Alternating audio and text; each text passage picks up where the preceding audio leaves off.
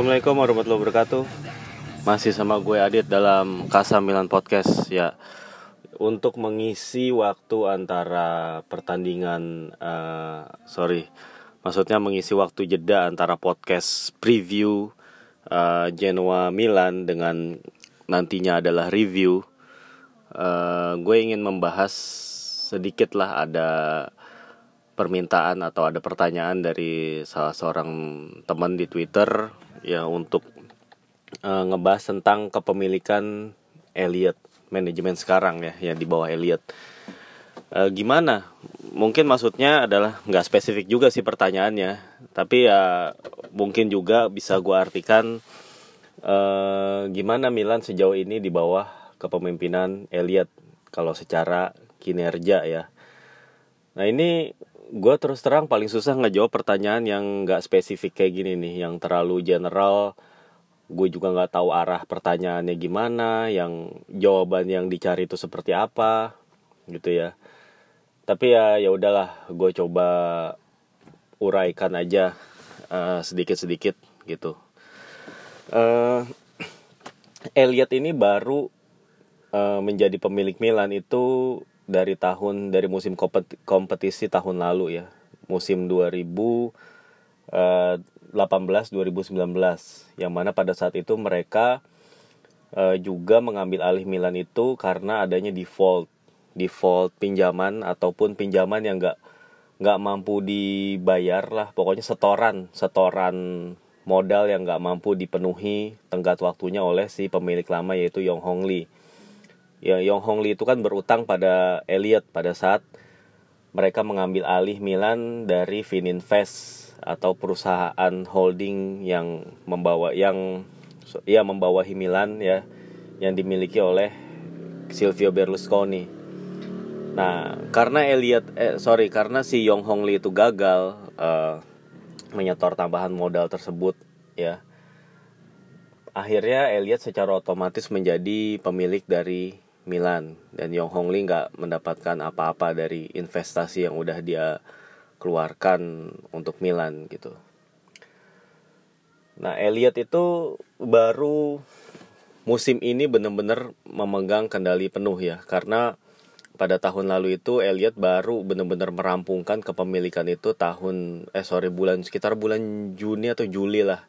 Jadi pada saat latihan preseason itu dimulai gitu. Artinya mereka cuma punya waktu yang sedikit di jendela transfer untuk membenahi skuad-skuad Milan pasca uh, ditinggalkannya mereka oleh Yong Hong Lee dan, juga duet Marco Fasone dan Massimiliano Mirabelli ya. Mirabelli yang udah nge, awalnya ngebangun skuad ini dengan 200 juta euro ya itu ada beberapa orang yang bilang kalau 200 juta euro itu kalau seandainya aja di spend lebih wise, lebih lebih tepat gitu, itu pasti Milan akan ada di posisi yang beda sekarang ya. Itu boleh jadi benar, boleh jadi enggak, ya kita nggak tahu ya. Kita nggak tahu situasinya. Orang si Mirabelli juga waktu itu pernah bilang sebenarnya dia bisa aja ngedapetin si Pierre Aubameyang. Ya, tapi karena eh, apa namanya Aubameyang minta gajinya kebesaran ya nggak mampu dipenuhi oleh manajemen kayak gitulah. Dan akhirnya ya skuad yang diwarisi oleh Mirabelli Fasone itu mencoba diperbaiki oleh uh, Elliot ya, di musim pertamanya di melalui duet Leonardo dan Maldini Leonardo itu jadi sporting apa kayak lebih ke sporting director, Maldini lebih ke kayak technical yang urusan kayak ambasador dan uh, masih kayak bener-bener kayak di balik layar lah gitu. Kalau Leonardo itu yang benar-benar turun langsung dalam transfer, dia adalah seorang negosiator yang ulung sehingga dia bisa ngedapetin kayak pemain seperti Gonzalo Higuain dan Matia Caldara sebenarnya itu transfer yang bagus ya. Itu dua pemain yang diharapin bisa langsung ngangkat level dan juga uh, ngebalikin Bonucci ke Juventus yang emang uh, si pemain ini emang udah nggak mau lagi main di Milan gitu. Dan sebenarnya ya itu tadi gue bilang ah, sampai dua kali nih ngomong.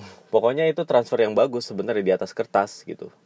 Ya kalau ternyata hasilnya seperti ini Caldara cedera itu kan emang bukan itu di luar rencana ya. Dan kalau Gonzalo Higuain kurang perform bagus gue bilang itu karena emang ya Higuain ini sendiri yang uh, kayak terlalu banyak beban bawa beban buat dirinya gitu. Higuain sebenarnya tampil lumayan gak jelek. Cuman pada saat dia penaltinya digagalin sama Sesni pada saat Milan ketemu Juve saat itulah dia kemudian makin merosot performanya gitu ya ditambah lagi dia kurang ya kurang dapat dukungan lah ya kurang dapat support gitu Lalu kemudian di bulan Januari datang reinforcement yang dilakukan oleh Leonardo lagi-lagi dalam bentuk uh, Christoph Piontek dibeli dari Genoa dan Lucas Paqueta dari Flamengo. Dua pemain ini memberikan instant impact yang luar biasa bagi tim ini. Sebenarnya tim yang dimainin Gattuso apa timnya Gattuso permainan Gattuso itu nggak istimewa gue bilang. Soal secara taktikal nggak nggak yang sophisticated banget, nggak yang terlalu terlihat terlenca terencana nggak terlihat punya permainan yang gimana ya? Ya permainan passing yang enak dilihat gitu nggak sama sekali nggak gitu. Mereka cuman kayak dominan penguasaan bola tapi ya udah kebanyakan kayak muter-muter passing dari belakang passing ke kiper itu udah terlihat dari zamannya Gattuso gitu cuman bedanya Gattuso itu emang seorang pelatih yang sangat disegani. Bu mungkin bukan disegani tapi ditakutin gitu. Jadi pemain-pemain tuh pada takut sama dia. Pada akhirnya ya dia bisa membuat pemain-pemain itu tampil bagus. Dia seorang emang seorang manajer Gattuso itu. Dia seorang yang lebih banyak melakukan pendekatan secara personal.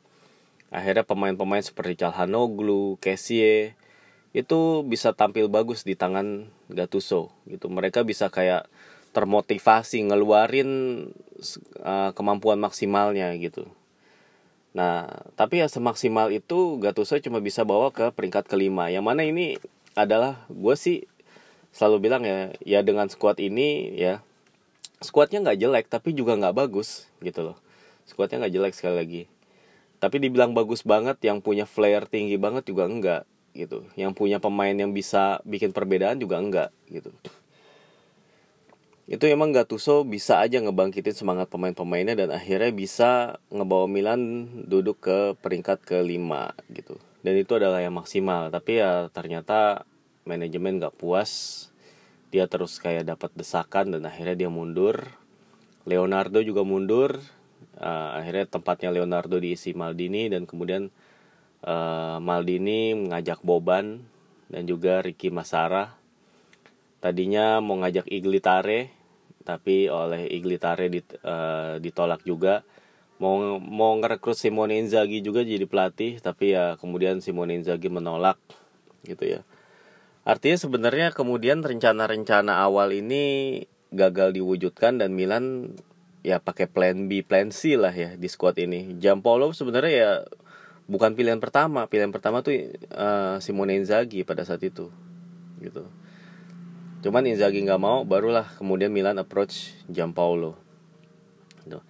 Lalu kemudian dari sisi pemain ya, uh, kalau kita urutin dari awal, sebenarnya ya dengan plat dengan dipilihnya Gianpaolo, Milan itu punya target prim, primary target di tengah itu ada Jordan Ferretu.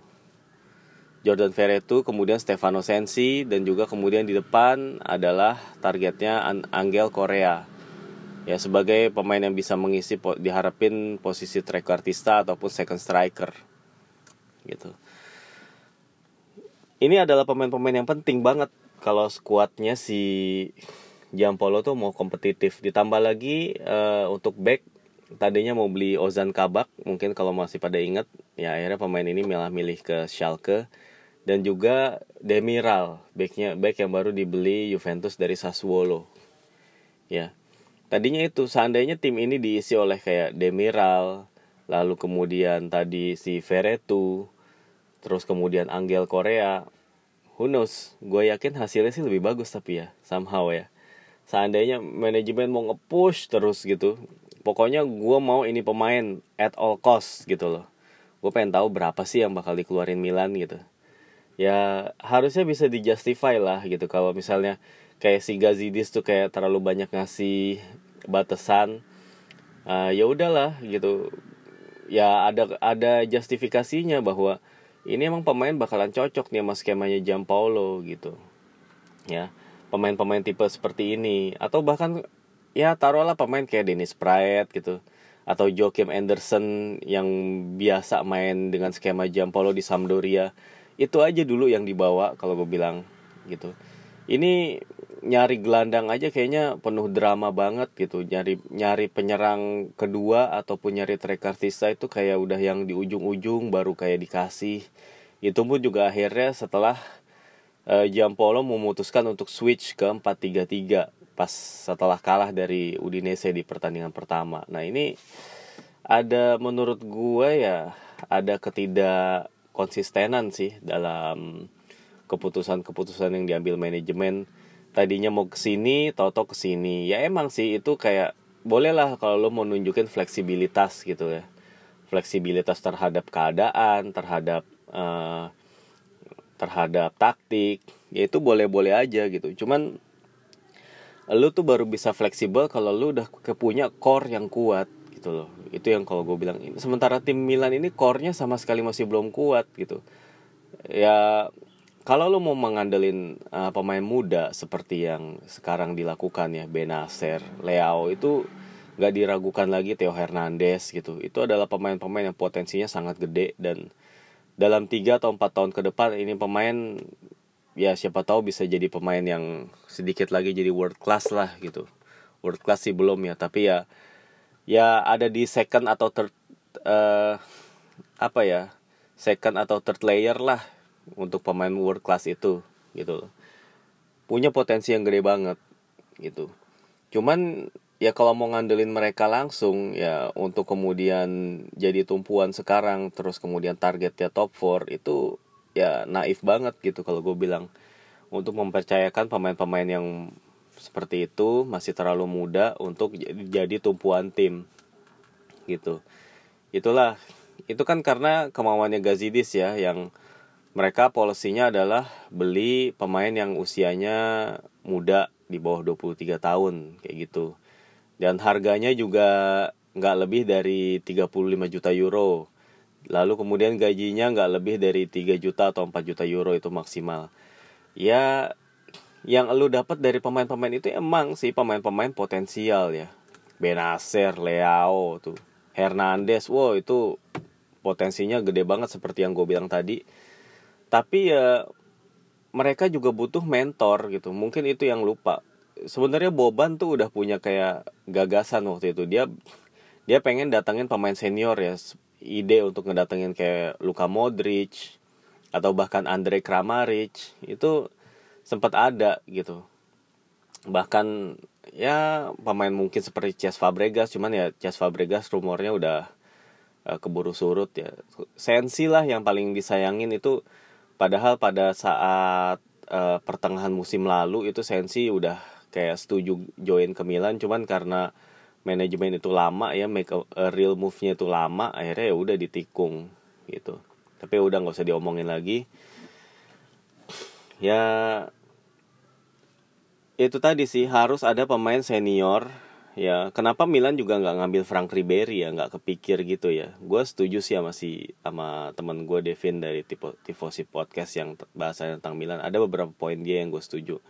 Bahwa harus apa namanya yang namanya tim muda gitu ya. Segimanapun tim muda seberbakatnya sejago-jagonya pemain muda itu mereka tetap butuh pemain senior gitu. Mereka butuh mentor ketika mereka ngerasa clueless di lapangan ketika pergerakan-pergerakan mereka juga serba salah ya. Yang namanya pemain muda itu kan banyak pakai insting ya banyak pakai insting terus uh, naluri untuk showing off juga tinggi gitu. Terus uh, decision makingnya juga mungkin masih jelek gitu. Saat itulah mereka butuh kayak pemain-pemain senior. Lihat Sandro Nesta deh gitu Sandro Nesta Alessandro Nesta ya. Dia tuh butuh banget bimbingan dari seorang Billy Costa Curta. Jadi uh, waktu itu Nesta tuh dibilang Nesta kan udah segitu jagonya ya pas datang dari Lazio. Tapi kalau Ancelotti tuh nasihatin dia kalau lu pengen sukses jadi legend di Milan lu belajar dari Billy Costa Curta ini gitu. Ya lihat aja. Dan akhirnya Nesta pun emang belajar dia kan emang masih satu tim sama Billy sama Paulo Maldini juga. Dan akhirnya Nesta jadi permainannya makin mateng makin jadi makin world class lah di Milan. Nah sekarang untuk pemain-pemain muda itu tuh nggak ada mentornya. Situasinya gini. Jadi artinya menurut gue kebijakan yang terlalu kaku gitu. Misalnya kayak hanya beli pemain muda.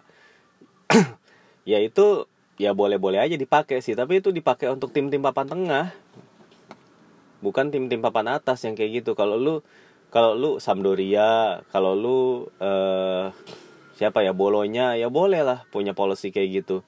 Gue pengen pengen hanya beli pemain-pemain muda. Tim gue core-nya pemain-pemain muda. Average age-nya tuh paling muda dalam satu liga. Boleh aja gitu. Tapi lu hanya akan end up di papan tengah gitu. Nah ini masalahnya Milan. Lu di satu sisi ya lucu lu punya target tinggi banget lolos ke Liga Champions. Tapi lu nggak ngasih squad yang emang uh, bener-bener bisa kompetitif di situ gitu. Itulah yang menurut gue jadi masalah sumber masalah bagi Milan ya. Dan kemudian keputusan tentang pemain-pemain yang ada itu juga kayaknya lambat banget dibuatnya gitu. Uh, untuk mutusin susu si apa suso stay atau enggak aja itu sampai nunggu terakhir-terakhir pas Suso bisa main bagus lawan tim dari Kosovo dan juga tim tim seri C itu Suso kayak dibilang oh ya dia bisa tuh main trekartista tapi begitu gagal pas lawan Udinese akhirnya digeser lagi ke kanan. Dan akhirnya pas digeser ke kanan lagi ya mainnya begitu lagi nggak ada nggak ada perkembangan nggak ada nggak ada kayak suntikan imajinasi yang baru gitu. Itu kayak dia kayak bener-bener bad copy seperti yang kata Matteo Salvini bilang. Dia kayak kayak ngulang apa yang dilakukan sama dia musim lalu. Ya, gerakan-gerakannya gocekan-gocekannya cara dia ngedribble ke arah mana nendang ke arah mana itu sama persis kayak musim lalu. Template-nya sama nggak diganti-ganti. Ya ujung-ujungnya ya ya kebaca lah malawan lawan. Udah back back udah pada tahu oh pasti bola diarahin ke sini oh pasti dia geraknya ke sini udah tahu gitu dan ya setelah itu terjadi akhirnya ya Milan mandek. Karena selama ini emang pemain yang paling banyak creating chances itu Suso atau Calhanoglu lah. Dan Calhanoglu entah kenapa ya setelah ditinggal Gattuso dia kayak kehilangan gerintanya dia gitu. Bola cepat hilang dari dia passing sering sering salah apa namanya tembakan sering gak akurat udah udah makin gak jelas aja gitu. Udah jadi kayak pemain-pemain biasa pemain mediocre gitu. Padahal kemarin pas di tangan Gattuso udah lumayan oke okay lah dia gitu. Nah akhirnya sekarang Milan itu udah kayak udah jadi tim yang susah uh, berkreasi susah dalam menciptakan peluang. Udah gitu gerintanya juga kurang gitu. Karena Giampolo bukan tipe Giampolo adalah tipe pelatih tactician artinya dia seorang ahli taktik ya. Theoretically ahli taktik ya. Entah bagaimana implementasinya dia terhadap formasi 433 yaitu itu uh, beda urusan. Tapi dia tuh pada dasarnya dia seorang tactician bukan seorang man management eh bukan seorang pelatih yang menonjol dalam man management ataupun ya dalam uh, ya apa namanya dalam membangkitkan potensi pemainnya. Dia bukan pelatih yang kayak tipe berapi-api ngasih semangat gitu ataupun yang apa. Justru dia tuh lebih ke kayak pak guru aja gimana sih? Kayak guru kayak guru yang serius aja gitu. Dia ngajarin gini gini gini ya. Untuk pemain-pemain tertentu yang emang udah tahu dia ya itu bisa bagus. Tapi kalau pemain-pemain yang pemain pemain-pemain yang nggak biasa dengan pendekatan dia approach dia itu susah juga gitu. Dia butuh pemain untuk kayak yang mengejawantahkan gitu. Kenapa uh, dia nggak bersikeras ya contoh lah kayak Mihailovic waktu datang ke Milan dia tuh bener-bener kekeh minta manajemen datengin Romagnoli ke Milan. Dan akhirnya dikabulin. Dan itu akhirnya sukses banget kan sampai sekarang gitu. Harusnya ya menurut gue karena Giampolo itu bawa sesuatu yang berbeda ya. Bawa filosofi yang berbeda taktik yang beda ke Milan. Dia harusnya kayak bisa uh, benar-benar meyakinkan. Cuman mungkin ya manajemennya juga udah punya rencana lain. Jangan-jangan ya yang mana ini kayak nggak sinkron gitu apa yang dilakuin oleh manajemen dengan apa yang dimaui oleh Giampaolo akhirnya ya nggak pemain-pemain yang di yang dibeli gitu itu nggak nggak yang cocok. Harusnya kan kalau bisa ya Milan apa namanya cepat aja gerakin apa namanya gerak untuk ngebeli si Joachim Anderson lumayan tuh udah dia udah pasti jadi pilar di belakang sama Romagnoli itu kalau Anderson dibeli. Akhirnya dia dibeli Lyon harganya juga cuma 25 juta. Itu masih masih bisa kebeli sama Milan sebenarnya gitu. To be fair itu 25 juta euro kebeli lah gitu. Lalu kemudian si Dennis Praet oke okay lah dia mungkin gak sespektakuler si siapa siapa namanya yang mau dibeli Milan tuh kayak kayak misalnya si Jordan Verretu gitu. Atau si siapa sih sebelum sebelumnya Sensi mungkin. Tapi paling nggak Pride itu dia pasti udah kayak jadi pemain yang bisa kayak jadi uh, penengah ataupun jadi kayak penyampai ya bisa dia bisa menyampaikan kembali apa yang dimauin Jampolo tuh ke teman-temannya gitu di lapangan sehingga uh, apa yang taktik yang diinginkan Giampolo itu cepat dipahami, cepat bisa di applied. Ya kemudian ya baru kemudian hasil yang berbicara gitu. Nah, ini kayaknya kayak ada missing link gitu. Kayak ada ada bagian yang ke skip, kayak ada bagian yang apa namanya yang nggak dilakukan. Sehingga ya tim ya kayak autopilot.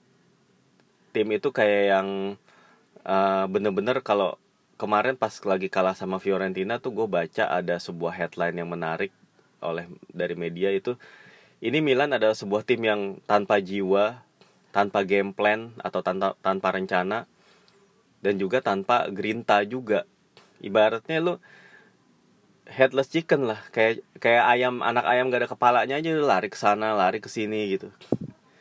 Gak ada rencana, gak ada kreativitas, nggak ada grinta juga nggak tahu gitu. Itu kemarin lawan Fiorentina tuh kalau seandainya si Ribery atau Chiesa satu lebih ganas tuh bisa bisa berapa gol tuh ke gawang Donnarumma. Gitu. Itu beruntung aja nggak berakhir lebih buruk itu pertandingan. Nah nah Elliot nih ya terlepas dari uh, Elliot ini kan emang sebuah uh, apa namanya venture capital atau apa namanya lembaga permodalan lah ya yang memberikan modal kepada perusahaan-perusahaan gitu dan kemudian dia berharap untuk dapetin kayak return berupa berupa keuntungan uh, bagi hasil ataupun bunga gitu sebagaimana lembaga capital lainnya gitu. Nah, Elliot ini kan sebenarnya punya misi untuk kayak naikin value. Jadi mereka tuh emang cuman sebentar di sini. Akan nggak akan lama. Mungkin tapi nggak nggak lamanya pun juga nggak sebentar. Artinya uh, paling nggak ini jangka menengah lah. Invest dari Elliot ke Milan gitu. Jadi paling nggak Elliot itu bakal jadi owner Milan harusnya sih dalam 4 atau lima tahun ke depan gitu. Dengan uh, harapan bahwa pada saat mereka lepas Milan Milan itu udah kayak ada di jalur Liga Champions ada di jajaran tim papan atas Italia ya kayak udah mulai balik lagi sehingga pada saat mereka jual itu harganya tinggi. Siapa pun yang akhirnya ngebeli Milan nanti gitu ya. Nah cara satu-satunya untuk ningkatin value klub adalah prestasi. Gitu. Lo nggak bisa kayak klub uh, sekonyong-konyong karena cuma ngandelin sejarah value-nya bakal tetap ada di situ gitu. Ya enggak lama-lama value lu akan kegerus akan turun. Karena lu prestasinya nggak bagus-bagus ya sponsor lama-lama pada pergi. Pemain-pemain bintang ogah datang penonton uh, rataan penonton ke stadion berkurang. Kepercayaan publik berkurang. Penonton layar kaca berkurang. Follower sosial media berkurang. Gitu. Akhirnya ya akhirnya bakal jadi tim yang dilupain gitu. Tapi kan kalau misalnya uh, lu punya game plan yang jelas terus lu punya kemampuan untuk bisa bikin Milan ini meningkat lagi value-nya lewat uh, kebijakan transfer yang bagus, lalu kemudian manajemen yang juga bagus, pelatih yang pas, pemain-pemain yang juga kombinasi ya antara uh, junior dan juga pemain senior yang juga pas gitu. Itu yang namanya posisi empat besar sih nggak susah sih kalau gue bilang gitu. Cuman ini kok kayaknya sekarang susah banget gitu untuk kayak ngedapetin tiket Liga Champions saya susah gitu. Nah, sekarang kan akhirnya manajemen kayak dihadapin pada dilema nih. Mereka pengen kayak udahlah jam polo anggap aja gagal gitu. Dijadiin kambing hitam aja gitu. Jadiin kambing hitam dipecat kemudian akan diganti oleh pelatih lain siapa pun itu. Ntar mungkin kita akan bahas di episode selanjutnya kalau emang uh, ada perkembangan soal ini gitu. Tapi yang jelas emang uh, Elliot kalau mau dibilang sejauh ini kinerjanya bagus enggak. Tapi kalau dibilang mengecewakan banget ya kita belum tahu. Itu harus nunggu sampai setidaknya akhir musim. Untuk kayak gimana Elliot? Apakah mereka bisa mempercayakan uh, ke orang-orang yang pas gitu untuk pekerjaan ini gitu? Atau justru mereka salah memilih orang salah memilih orang untuk misalnya kayak megang uh, posisi direktur teknik atau pelatih. Ya ya direktur teknik kan yang milih pelatih kemudian gitu. Ya inilah yang kemudian akan jadi dievaluasi ya. Ini mungkin kayak penilaian yang terlalu prematur tapi gua rasa sih dengan hasil-hasil yang kelihatan di lapangan ya gua kayak kayak bisa kayak bisa nebak ini akhir musim Milan bakal ada di posisi mana gitu. Cuman ya ya udahlah gitu ya. Gua rasa sih dengan begini manajemen akan reinforcement lagi bulan Januari nanti akan ada pemain baru gitu. Cuman ya ada datang pemain baru e, nyelamatin Milan dalam satu setengah musim abis itu ya diulangin lagi kesalahan yang sama pada saat musim panas ya itu aduh nggak akan ke mana-mana sih. Gitu ya ini mungkin jadi tahun pertamanya Maldini ya pembelajaran bagi Maldini untuk menurut gue. Dia itu uh, menurut gue gue nggak akan meragukan kemampuan Maldini lah gitu. Tapi menurut gue dia bisa he could have uh, he could have uh, delivered a better result gitu dari ini gua rasa ya. Dia he could have recruited better player gitu loh. Dia harusnya bisa mengambil atau membeli pemain yang lebih baik dari squad yang sekarang bisa dibilang gitu. Ya akhirnya ya mau nggak mau ya tunggu aja apa yang akan dilakukan oleh Jampolo dan Maldini dan di bawah manajemen yang baru ini. Kita tentu nggak bisa ngebandingin ya sama manajemennya Berlusconi pada saat awal-awal Berlusconi nggak apa ngebeli Milan. Itu kan mereka udah punya core team yang juga udah bagus. Udah ada Franco Baresi udah ada Maldini udah ada siapa? Uh, Tassotti Giovanni Galli itu udah ada di situ. Billy Costa Curta udah ada udah ada Donadoni juga. Ya. Artinya secara core atau secara poros poros tim itu tuh udah kuat gitu pada saat si Berlusconi datang. Akhirnya ya udah Berlusconi tinggal beli Ancelotti. Berlusconi tinggal beli si Ruud Gullit Van Basten. Jadi itu tim gitu. Dan juga pada saat itu kan eh, nggak uh, ada financial fair play gitu. Nah sekarang Milan uh, core timnya aja Suso Calhanoglu lagu apa namanya Kessie. Lalu kemudian ya Romagnoli udah oke okay lah gitu. Kemudian tapi fullbacknya juga masih tanda tanya. Terus kemudian ini mau pakai winger apa mau pakai trequartista itu juga masih tanda tanya harusnya ya menurut gue ya ya geraknya lebih cepet aja sih waktu di bursa transfer kemarin. Kayak nggak bisa nunggu lu mesti yang ya nunggu-nunggu sampai terakhir deh dengan harapan uh, klub pemilik pemain bisa uh, nurunin harga. Ya ya nggak gitu juga. Ini udah bukan zamannya Galiani juga yang yang sering jadi bikin kejutan pas transfer deadline gitu. Dan juga uh, sekarang keputusan oke okay, uh, Maldini sama Boban itu nggak pernah setuju sama yang namanya dry loan misalnya ya opsi waktu itu Demiral ditawarin Juve itu dry loan Lalu kemudian Dani Sebayos waktu itu ditawarin uh, dry loan. Maldini sama Boban nggak mau. Alasannya karena mereka nggak mau ngembangin pemain yang justru ntar uh, mereka akan balikin. Yang bikin klub lain itu akan uh, apa namanya mendapatkan keuntungan. Ya ya boleh juga sih lu punya pikiran kayak gitu. Tapi ya sebagai lu bisa aja berpendapat kayak gitu. Tapi kalau lu punya better players gitu loh. Masalahnya lu punya nggak better players uh, better players dan uh, Sebayos ataupun si Demiral gitu? Musakio sama si Duarte itu lebih bagus mana sama Demiral? Lalu kemudian Sebayos dibandingin sama Krunic sama si Calhanoglu sama si uh, Kessie itu lebih baik mana gitu ya menurut gue sih itu. Manajemen itu nggak bisa kaku juga gitu.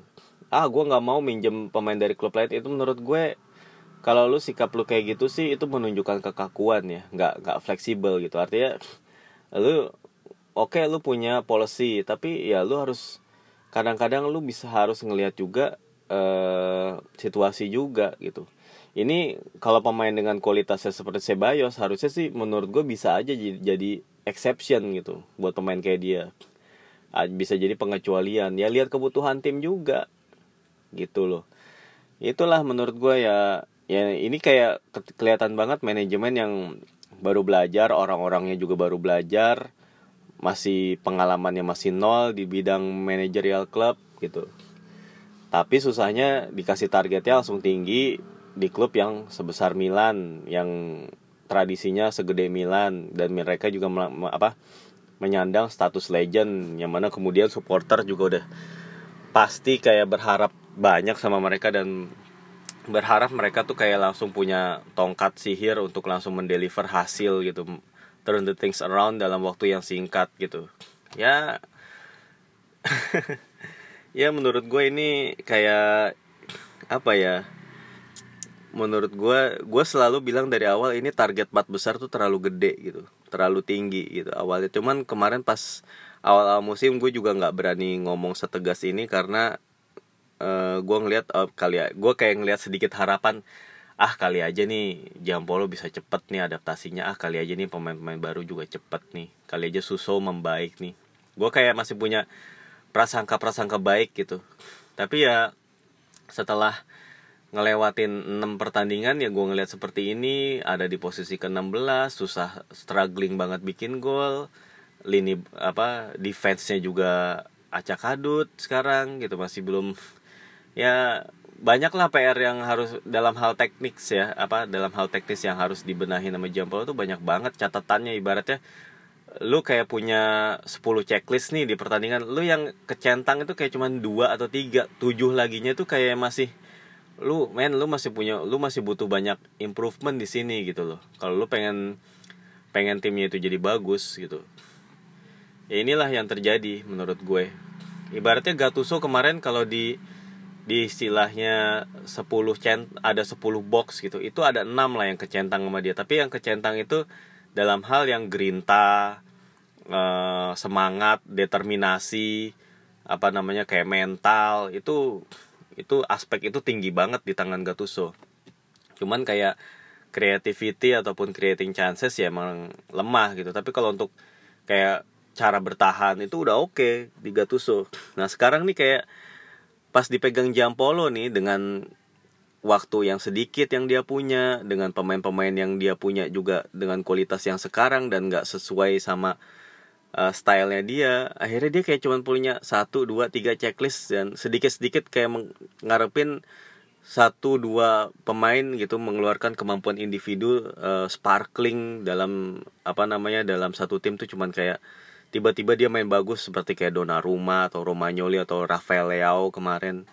Ya tiba-tiba dia main bagus gitu bisa secara kemampuan apa sendirian single handedly bisa bikin gol apa gimana ya ya itulah yang sekarang yang harus dihadapin. Jadi kayak masih banyak banget yang harus dibenahin masih banyak banget PR dan kalau emang seandainya aduh sorry banget gue harus ngomong kayak gini. Kalau emang seandainya Giampolo itu dipecat gue yang paling gue setuju sih Ranieri aja lah gitu. Karena Ranieri itu kan yang dikenal sebagai pelatih yang namanya juga The Tinkerman ya. Pelatih yang kayak ngereparasi yang ngebenerin apa yang rusak apa yang bobrok gitu. Dia benerin dulu.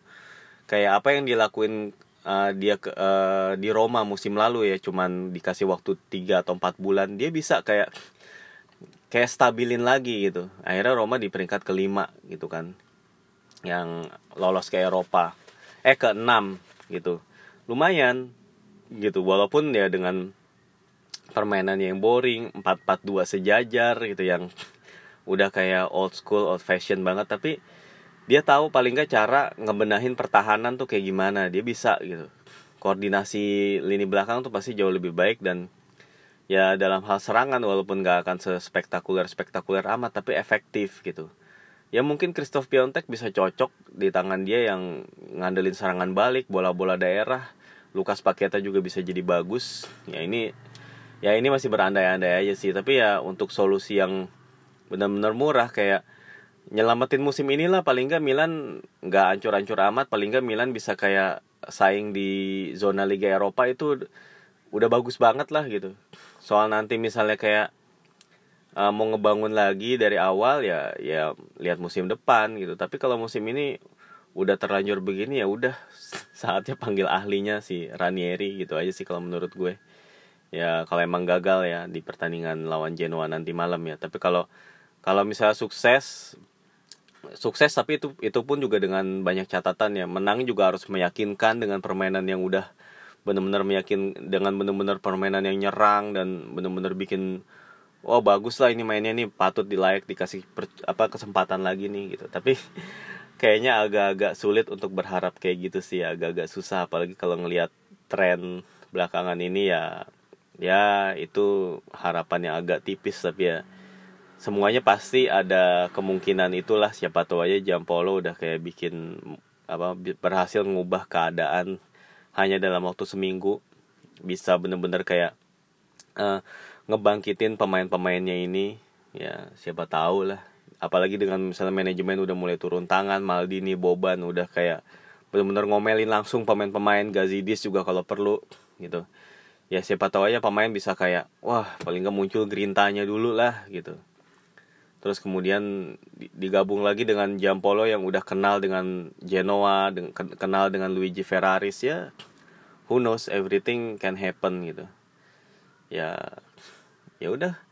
Gua rasa sih ya kita akan lihat lagi ntar malam ya lagi-lagi gue belum mungkin gue belum bisa menilai secara umum kinerjanya Elliot gimana karena ini masih kayak awal-awal dan ini terlalu banyak aspek ya.